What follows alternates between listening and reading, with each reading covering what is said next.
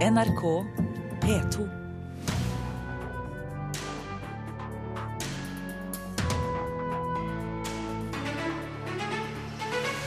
Stadig flere aviser lanserer egne nettsider for lokkejournalistikk, laget for å deles på sosiale medier. Du vil ikke tro hva en medieprofessor og Norsk Presseforbund mener om saken, her i Kulturnytt. Barne- og ungdomslitteratur blir stadig dystrere og mørkere, men vi vil egentlig fortelle om håp, sier forfatterne av sjangeren som kalles teen noir. Kjente norske forfattere møter miljøvernministeren i dag. De bruker språket i kampen for en ny energipolitikk. Og all god krim er ikke nordisk. Vår anmelder har funnet et utsøkt fransk eksemplar av en kriminalroman. Kulturnytt her i NRKs Nyhetsmorgen med Ugo Fermariello i studio. Med titler som 'De 13 mest minneverdige hårsveisene i vår tid' sta satser stadig flere norske mediehus på at delevennlige saker skal finansiere deres kvalitetsjournalistikk. Men journalistikkprofessor Arne Krumsvik har liten tro på modellen, og mener mediene heller bør prøve å tjene penger på kvalitetssakene sine. De seneste norske mediehusene til å kaste seg på delebølgen er Bergens Tidende og VG. Går det bra? Ja, det gjør det. Satt oppe på internett til klokken halv seks i dag tidlig. Det sier en trøtt Halvor Harsem, bedre kjent som bloggeren Kong Halvor. I et hjørne i det åpne kontorlandskapet i redaksjonslokalet til VG skriver han for avisens ferske nettside TLDR. TLDR skal gi deg det beste internett har å by på, med artikler spesiallagd for å deles på sosiale medier. Populært kalt buzzjournalistikk eller delejournalistikk. Jeg mener jo at enhver redaksjon i Norge bør ha en delingslab, kan kalle det det.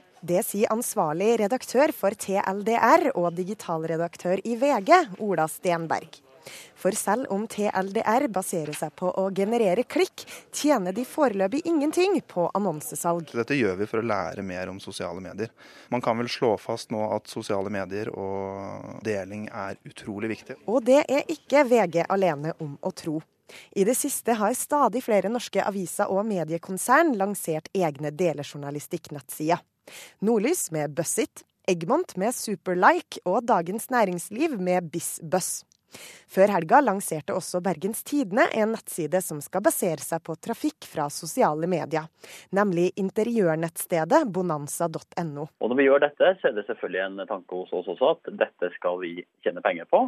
Og det kan da være penger som vi pleier tilbake i annen journalistikk i Bergens Tidende. Det sier produktdirektør i Bergens Tidende, Tor Olav Mørseth. Jeg tror hele journalistikken og alt sammen med markedet rundt journalistikken er i såpass stor endring at et medium som ikke eksperimenterer og tester nye ting, vel, eh, da ser jeg litt mørkt på, på fremtiden hvis vi ikke skal gjøre det, da. Men ikke alle er enig i at det å lansere delejournalistikk-nettsider er eksperimentelt og nytt. Jeg vil først og fremst si at jeg er overraska over at avisene nok en gang velger å gå i flokk.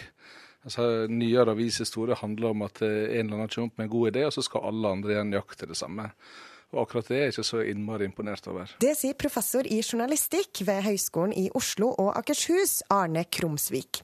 Han har dessuten liten tro på at pengene mediene tjener på delejournalistikken, vil brukes på kvalitetsjournalistikk. Noe som har vært mange av avisenes forklaring på hvorfor det satses på egne nettsider for klikkjournalistikk. Det er en dristig påstand, og jeg tror ikke de har noen eksempel å vise til som kan sannsynliggjøre det. Så det tryggeste hadde nok vært å prøve å distribuere kvalitetsjournalistikken i nye medier, i stedet for å gjøre det så indirekte at du først skal tjene penger på noe helt annet, og så kryssubsidiere det seriøse.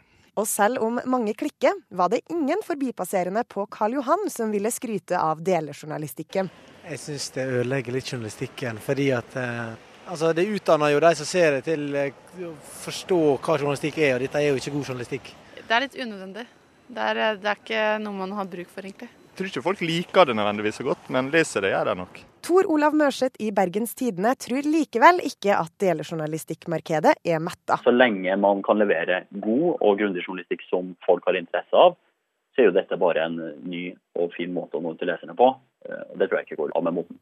Tor Olav Mørseth, produktdirektør i Bergens Tidende, til vår reporter Åsta Hoem Hagen.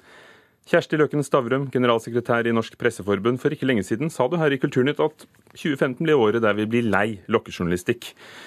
Tror du fortsatt det, når du hører hvor mange som velger å satse på det? Ja, jeg er enig med meg selv, eh, fordi jeg tror at folk eh, i år blir lei av de, eh, det vi drev med veldig mye i fjor. Nemlig det du introduserte med 'du vil ikke tro at', eller 'etter at du har lest dette, så'. Ja. Det er jo også noen helt spesifikke eh, formidlingsgrep som jeg tror at vi kommer til å bli lei. Men eh, du vet at medieverdenen utvikler seg jo. Samtidig som produktdirektøren i BT her var inne på, handler ikke om å få folk til å lese de sakene som allerede finnes. Er det nødvendigvis noen dårligere saker, selv om de har en 'du vil ikke tro at'-tittel? Ja, altså det, eh, denne diskusjonen handler om to retninger, sånn som jeg ser det. Det ene er jo om man benytter seg av eh, formidlingsgrep, eh, pedagogikk på en eller annen måte som gjør at det du har på hjertet, blir lest av flere. Og det skulle jo bare mangle om ikke alle redaksjoner i dag jobber med å nettopp lage journalistikk som kan bli delt i sosiale medier. For det er sånn journalistikk spres i dag. Så det er jo den ene retningen som jeg syns er både naturlig og riktig og skulle bare mangle. Men den andre delen, som, som jeg i hvert fall er mer bekymret for, er jo det som handler om å formidle saker du ikke engang har sjekka. Du har funnet den på nettet eh, og formidler den videre i, eh, den troen at leseren eh, kanskje tenker at det kan være sant, det kan være feil. Et veldig godt eksempel, syns jeg, forrige uke var en, en islending som som hadde tatt bilde av et McDonald's-måltid eh, og latt det ligge urørt i 2000 dager. Eh, og det så akkurat likt ut. Eh, og det er en da sak som han da legger ut på Facebook at er blitt omtalt i 25 land. I hvert fall. Deriblant Norge. Altså medier i 25 land. Og så skriver han har noen av dem kontaktet meg? Nei. Eh, og det mener han er urovekkende, og jeg også, fordi at det vil jo si at ganske kjente eh, nyhetsredaksjoner verden over, også i Norge, har da bare tatt en sak, kopiert den og ikke sjekket om dette er helt sant. Ifølge da han Hjørtur Smarason, som han heter, så er det eh, unyanser, eh, eh, den nyanser som er feil, og ikke, alt er ikke helt riktig. Og så sier han jeg sitter jo her, jeg er jo på Facebook, hvorfor er det ingen som har tatt kontakt med meg før i dag, en dansk journalist som gjorde det?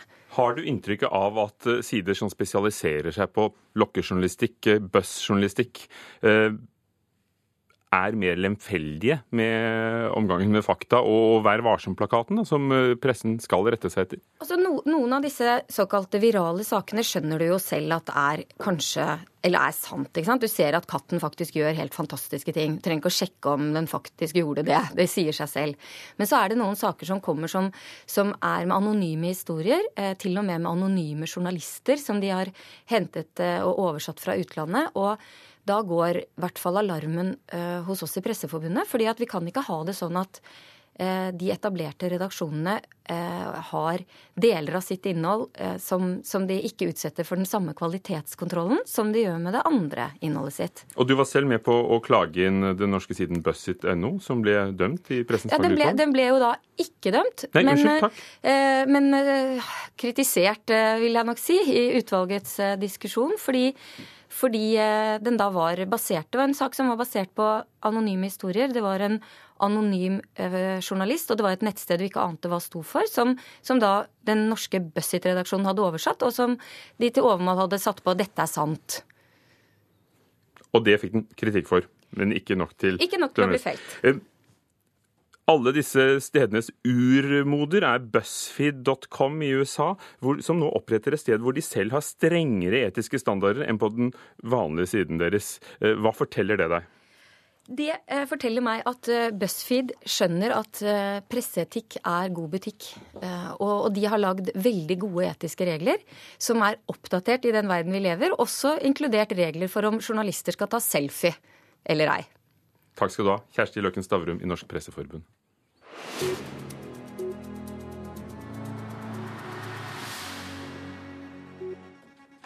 Og vi fortsetter med aviser. Dagbladet og Dagens Næringsliv vil eh, nemlig ikke presentere opplagstallene, slik de andre store mediehusene ønsker. Når opplagstallene skal eh, legges frem i mars, ønsker Skipsted, A-media og Polaris Media at det skal presenteres ett samles tall for papiropplag, digitalabonnement og kombinerte abonnementer. Kommersiell direktør Per Brikte Olsen i Dagbladet sier eh, til Dagens Næringsliv i dag at et slikt felles tall vil kunne gi et feil inntrykk av de faktiske forholdene i avisbransjen.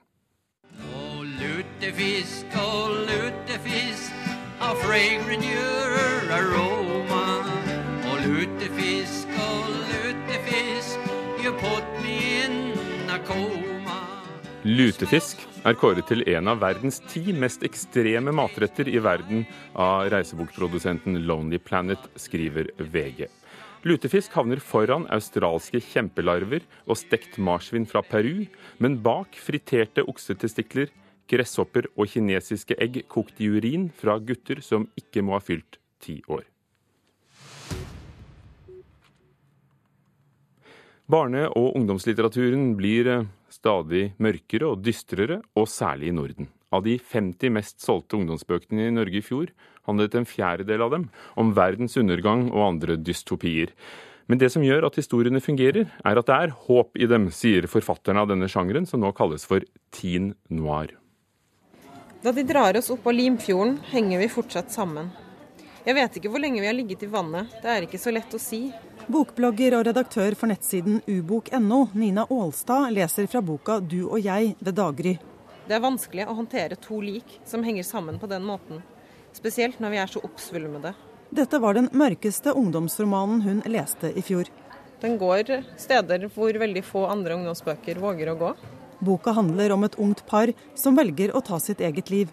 Det som gjør det så spesielt, og som også gjør det så mørkt og intenst, er det at det er fortalt fra denne unge jenta sin synsvinkel etter at hun er død. Danske Sanne Munch-Jensen har skrevet ungdomsromanen sammen med Glenn Ringtved. Blant unge mennesker så var det sånn en, en tendens til at det å ta sitt eget liv hadde fått sånn litt en, en martyrrolle. Altså det ble betraktet som, som en sterk handling, faktisk. Og vi kunne godt tenke oss å vise hva der skjer når, når et ungt menneske tar sitt eget liv. Altså hva er det du ikke lenger kan være en del av. Så all den innsikt hun får på bagkant av sin egen død, kan hun jo i virkeligheten ikke riktig bruke til noe. Munch-Jensen er nå på nordisk barnebokkonferanse i Stavanger, der temaet nettopp er den sterke trenden med dystre bøker for barn og ungdom, ikke minst i Norden. Vi lever i en tid hvor allting er blitt utrolig nemt og lett tilgjengelig, og måske også en lille smule overfladisk. Altså at man så har brug for å dykke ned i noe hvor man virkelig føler en stor smerte og en stor glede og en stor forløsning når det går godt. Av de 50 mest solgte norske ungdomsbøkene i fjor var en firedel enten dystopier eller handlet om mørke temaer som død, selvmord, sykdom og mobbing. Ja, men Det er jo som all liksom, skrekkfilm og The Walking Dead. Altså, vi behøver mengder med sånne historier som vi bearbeider vår uro med. Det sier Maria Nilsson. Hun er lektor i litteraturvitenskap ved Linné-universitetet i Veksjø, og har studert mørket i moderne ungdomslitteratur. Og hun kaller det teen noir. Det er liksom et begrep som kan handle både om hverdagsrealistiske mørke skildringer, men også om mørke dystopier. og at hva som har hendt under de seneste fem årene, er at det har blitt mørkere i all barn- og ungdomslitteratur. Jeg tror at det finnes en, en fascinasjon av det mørke. Vi diskuterer miljøforstøring, det er urolig i land, altså rundt omkring i verden. Nå får man skrive om hva som helst, også for yngre lesere. 60 år frem i tid så har tyranner tatt makta i de nordiske landene. Sier Amund Hestsveen. Sammen med Torborg Igland debuterte han i fjor med 'Flukten', første bok i en dystopitrilogi for ungdom. For Hestsveen er fantasy, dystopi og undergang en god ramme for å kunne skrive om livets store spørsmål, om håp og om kampen mot det onde. Og Det er jo det vi har fokusert på. Hva er det som tennes av gnist i, i det innerste kammeret hos tenåringene, når de da graver opp en gammel Nokia fra vår tid? og klarer å lage et batteri og få dette her i sving igjen, og så strømmer det ut musikk som de aldri har hørt før. Bjørk med 'I've Seen It All'. Og så berører det dem. Kunst og litteratur og musikk som er forbudt i dette samfunnet, og som du ser i alle andre totalitære stater, så er det sånn det er ikke, det er ikke sånn at mennesker lar seg kue. Også i Sanne Munch-Jensens bekmørke selvmordsroman er det håp, og det bør det være, mener hun. Jeg tror også, at hvis man, hvis man skriver noe som er rent mørkt, og som, og som, ikke ender med noen som helst form for håp, altså, så tror jeg også lett man kommer til å virke moraliserende. Ja. Så, blir det, så blir det sånn en løftet pekefinger. Det, her, det tror jeg det har jeg heller ikke som forfatter lyst til å skrive. Nei. Det sa forfatter Sanne Munch-Jensen til vår reporter Anette Johansen Espeland.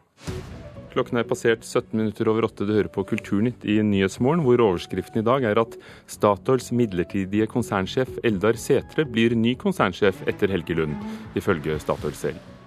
En dramatisk flystyrt i Taiwan. Passasjerfly styrtet i en elv, og ni personer er omkommet. Jordan har henrettet to terrorister, blant dem en irakisk kvinne, som hevn for at jordansk pilot ble brent til døde av terrorgruppen IS. Med språklige verktøy vil forfatterne bak Forfatternes klimaaksjon paragraf 112 bidra til å legge om norsk energipolitikk.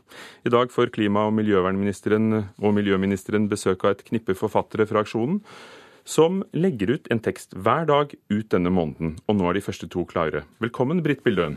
Tusen takk. Hvorfor gjør dere dette? Eh, starta klimaaksjon eller legge ut tekster? Begge deler. Eh, altså Forfatternes klimaaksjon er jo et nettverk for forfattere som ønsker å engasjere seg mer for klima og miljø. Enten skriftlig eller eh, via sånne aksjoner som vi nå har hatt. Vi har hatt, nettopp hatt en skrivedugnad for ungdom og etablerte forfattere. Og det er nå i dag så skal vi overlevere klima- og miljøministeren de to første tekstene fra denne dugnaden. Og så kan vi lese dem hver dag uh, på deres nettside, på to andre nettsider også. Uh, hva får dere til å tenke at språket skal bli et kraftig innlegg?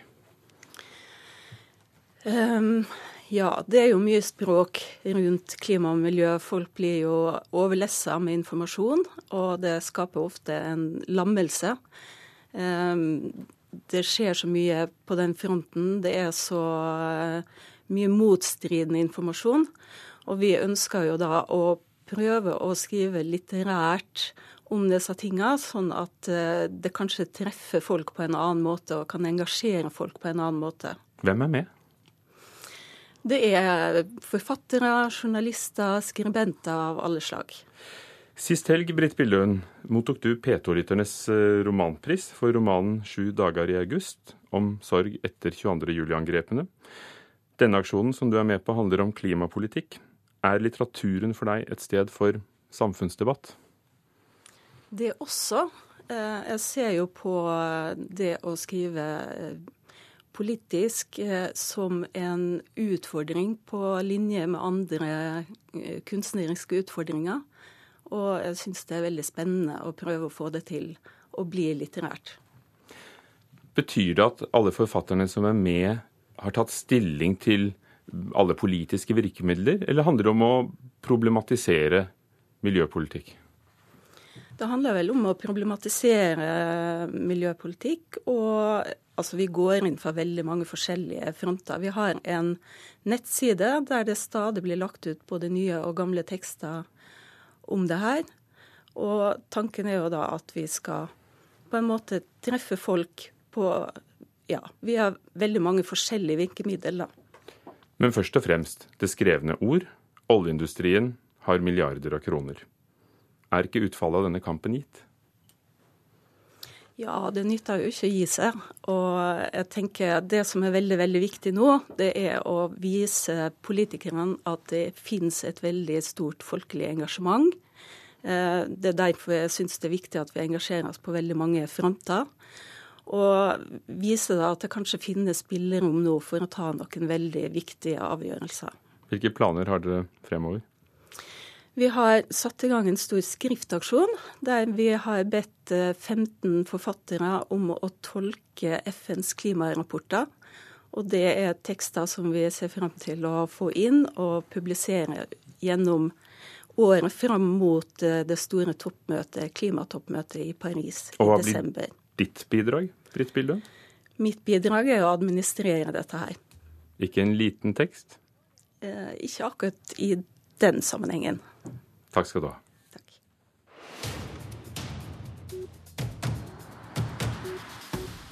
Selv om det er mye snakk om det, så kommer ikke all god kriminallitteratur fra Norden.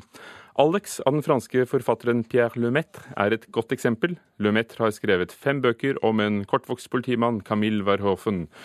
Og Alex er den andre romanen i serien, men den første som kommer på norsk. Vår anmelder Leif Ekle håper det kommer mer, også for oss nordmenn. I Paris finnes denne jenta, eller den unge kvinnen som heter Alex. Hun er vakker, er lei for at det ikke blir noe med henne og kjærligheten, og har oppdaget at hun både kan og liker å fremstå som en annen enn den vanlige Alex. Hun ser det første gang i en parykkforretning idet hun ser seg selv som rødhåret. En dag har hun en mann i hælene, litt for gammel, og Alex er ikke i tvil om at han følger etter henne. På vei hjem fra restaurant dukker den samme fyren opp, slår henne ned på brutalt vis og drar henne inn i en varebil. Hun er kidnappet av en mann som ikke vil si stort mer enn å kalle henne hore og at han skal se henne dø. Alternativet til mannens plan er rimeligvis at politiet finner henne først. I dette tilfellet ved den svært spinkle og kortvokste Camille Verhoeven og hans nærmeste medarbeidere. Samtidig, det er både verre og mer komplisert enn som så. Resten får lytteren, leseren, finne ut av selv, men man skal ha mye imot kriminal- og spenningslitteratur for å finne den litterære turen med Alex og Camille bortkastet. Det plott som ligger under denne kriminalfortellingen er av et slag man gjerne kaller utspekulert, kanskje også utkrøpent, uten at det er påfallende under lesningen. Fortellingen, og ikke minst den kunstnerisk begavede Camille Verhoeven, går gjennom en hel serie av stemningsskifter etter hvert som begivenhetene og etterforskningen bringer opp ny innsikt og krav om å tenke gjennom det hele på nytt. Når dette også er ei bok som er verdt å lese for annet enn sitt spenningsnivå og sin innebygde uhygge, så skyldes det tematikken, konsekvenser av grov omsorgssvikt overfor barn, misbruk av barn. Sier jeg mer, går det utover lesingen så det får holde, men sterkt og vondt er det, for ikke å snakke om den rendyrkede ondskapen som tyter ut av fortellingen etter hvert. Og det beskrevet og fortalt på et nivå som gjør at boka lett beveger seg forbi det rene underholdningsformatet. Jeg kan for lite fransk til å kunne vurdere hvor god Christina Revolds oversettelse er som sådan. Det jeg er sikker på, er at teksten fungerer godt på norsk. Fortellingen lever rent språklig på et ganske hverdagslig nivå, i positiv forstand, vel å merke, der dialogene sitter godt, og det fornemmes et umiskjennelig fransk temperament uten at forklaringer må til. Så legger jeg til at boka om Alex også preges av en underliggende humor i Pierre Lemaitres fortellerstil, en slags løpende kommentar som er lett å like, midt i alt det svarte alvoret som ligger til grunn for denne kriminalromanen. Leif Ekle om Alex av Pierre Lemaitre. Å være organist i gamle og kalde kirker er utfordrende, og slik er det også for Nils Einar Helland fra Karmøy. Han har frem til nå ikke kunnet øve fordi det har vært altfor kaldt i kirken. Nå har han fått et telt plassert under og rundt orgelkrakken, og dette har gjort hverdagen mer levelig. Så Men du ser hvordan det er i gamle kirker. Organist Nils Einar Helland er på vei opp på galleriet i Torvestadkirka på Karmøy. Og da eh, slår jeg først på orgelet her. Her oppe på orgelkrakken har Helland sin arbeidsplass. Men det å jobbe som organist i ei kirke som er bygd på slutten av 1800-tallet, kan ha visse utfordringer. Det er rimelig kaldt. Nå skal vi gå bort og sjekke tempen. Ja, nå ligger det maks sju grader, litt under sju grader. Og du kan si hvilket arbeidsmiljø er det? Fordi det er altfor dyrt å varme opp kirkerommet, og fordi orgelet ikke har godt av temperatursvingninger, er det bare ved de vanlige arrangementene at kirka blir varmt opp. Dermed har det vært lite rom for øving for Helland. Jeg har måttet sitte her og øve i sju grader. Og har pakket meg inn og til og med hatt sånn fingervanter, vet du. Og du bare kjenner etter to minutter, altså så føles det som ti istapper. Men eh, nå har det skjedd en forandring. Rundt der hvor Helland sitter, har han fått seg det han sjøl kaller sitt eget telt. Da er gardinen sånn at den skal gå halvveis rundt. Sånn kommer den fra andre siden. Og da har vi et tett kammer. Og så slår vi på disse her. Da har du den i gang. Hvis du nå kommer innenfor, ja. så får vi det tett her. Og nå ser du at det var sju grader. Mm. Og hvis vi holder oss her nå, du begynner nesten å kjenne effekten med en gang. Ja, det, gjør det.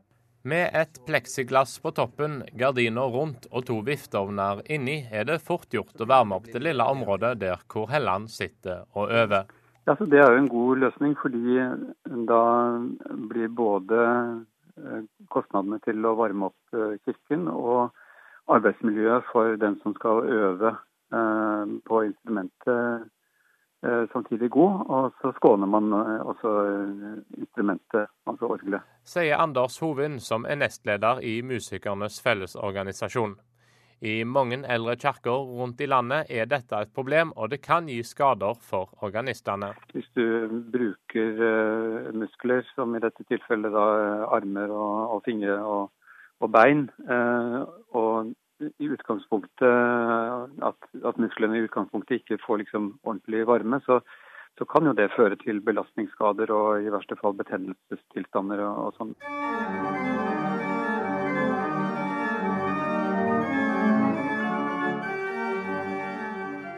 Tilbake i Torvestadkirka har nå temperaturen i teltet til Helland blitt så høy at fingre og føtter kan jobbe i høyt tempo. Og nå kan han endelig få øve så mye som han bare vil. Ja, dette betyr at det er mye mer anvendelig å øve på på vinterstid. Jeg vil ikke gå og, småkvi meg, eller rett og slett la være å gå og øve orgel. Dette syns jeg er en genial løsning.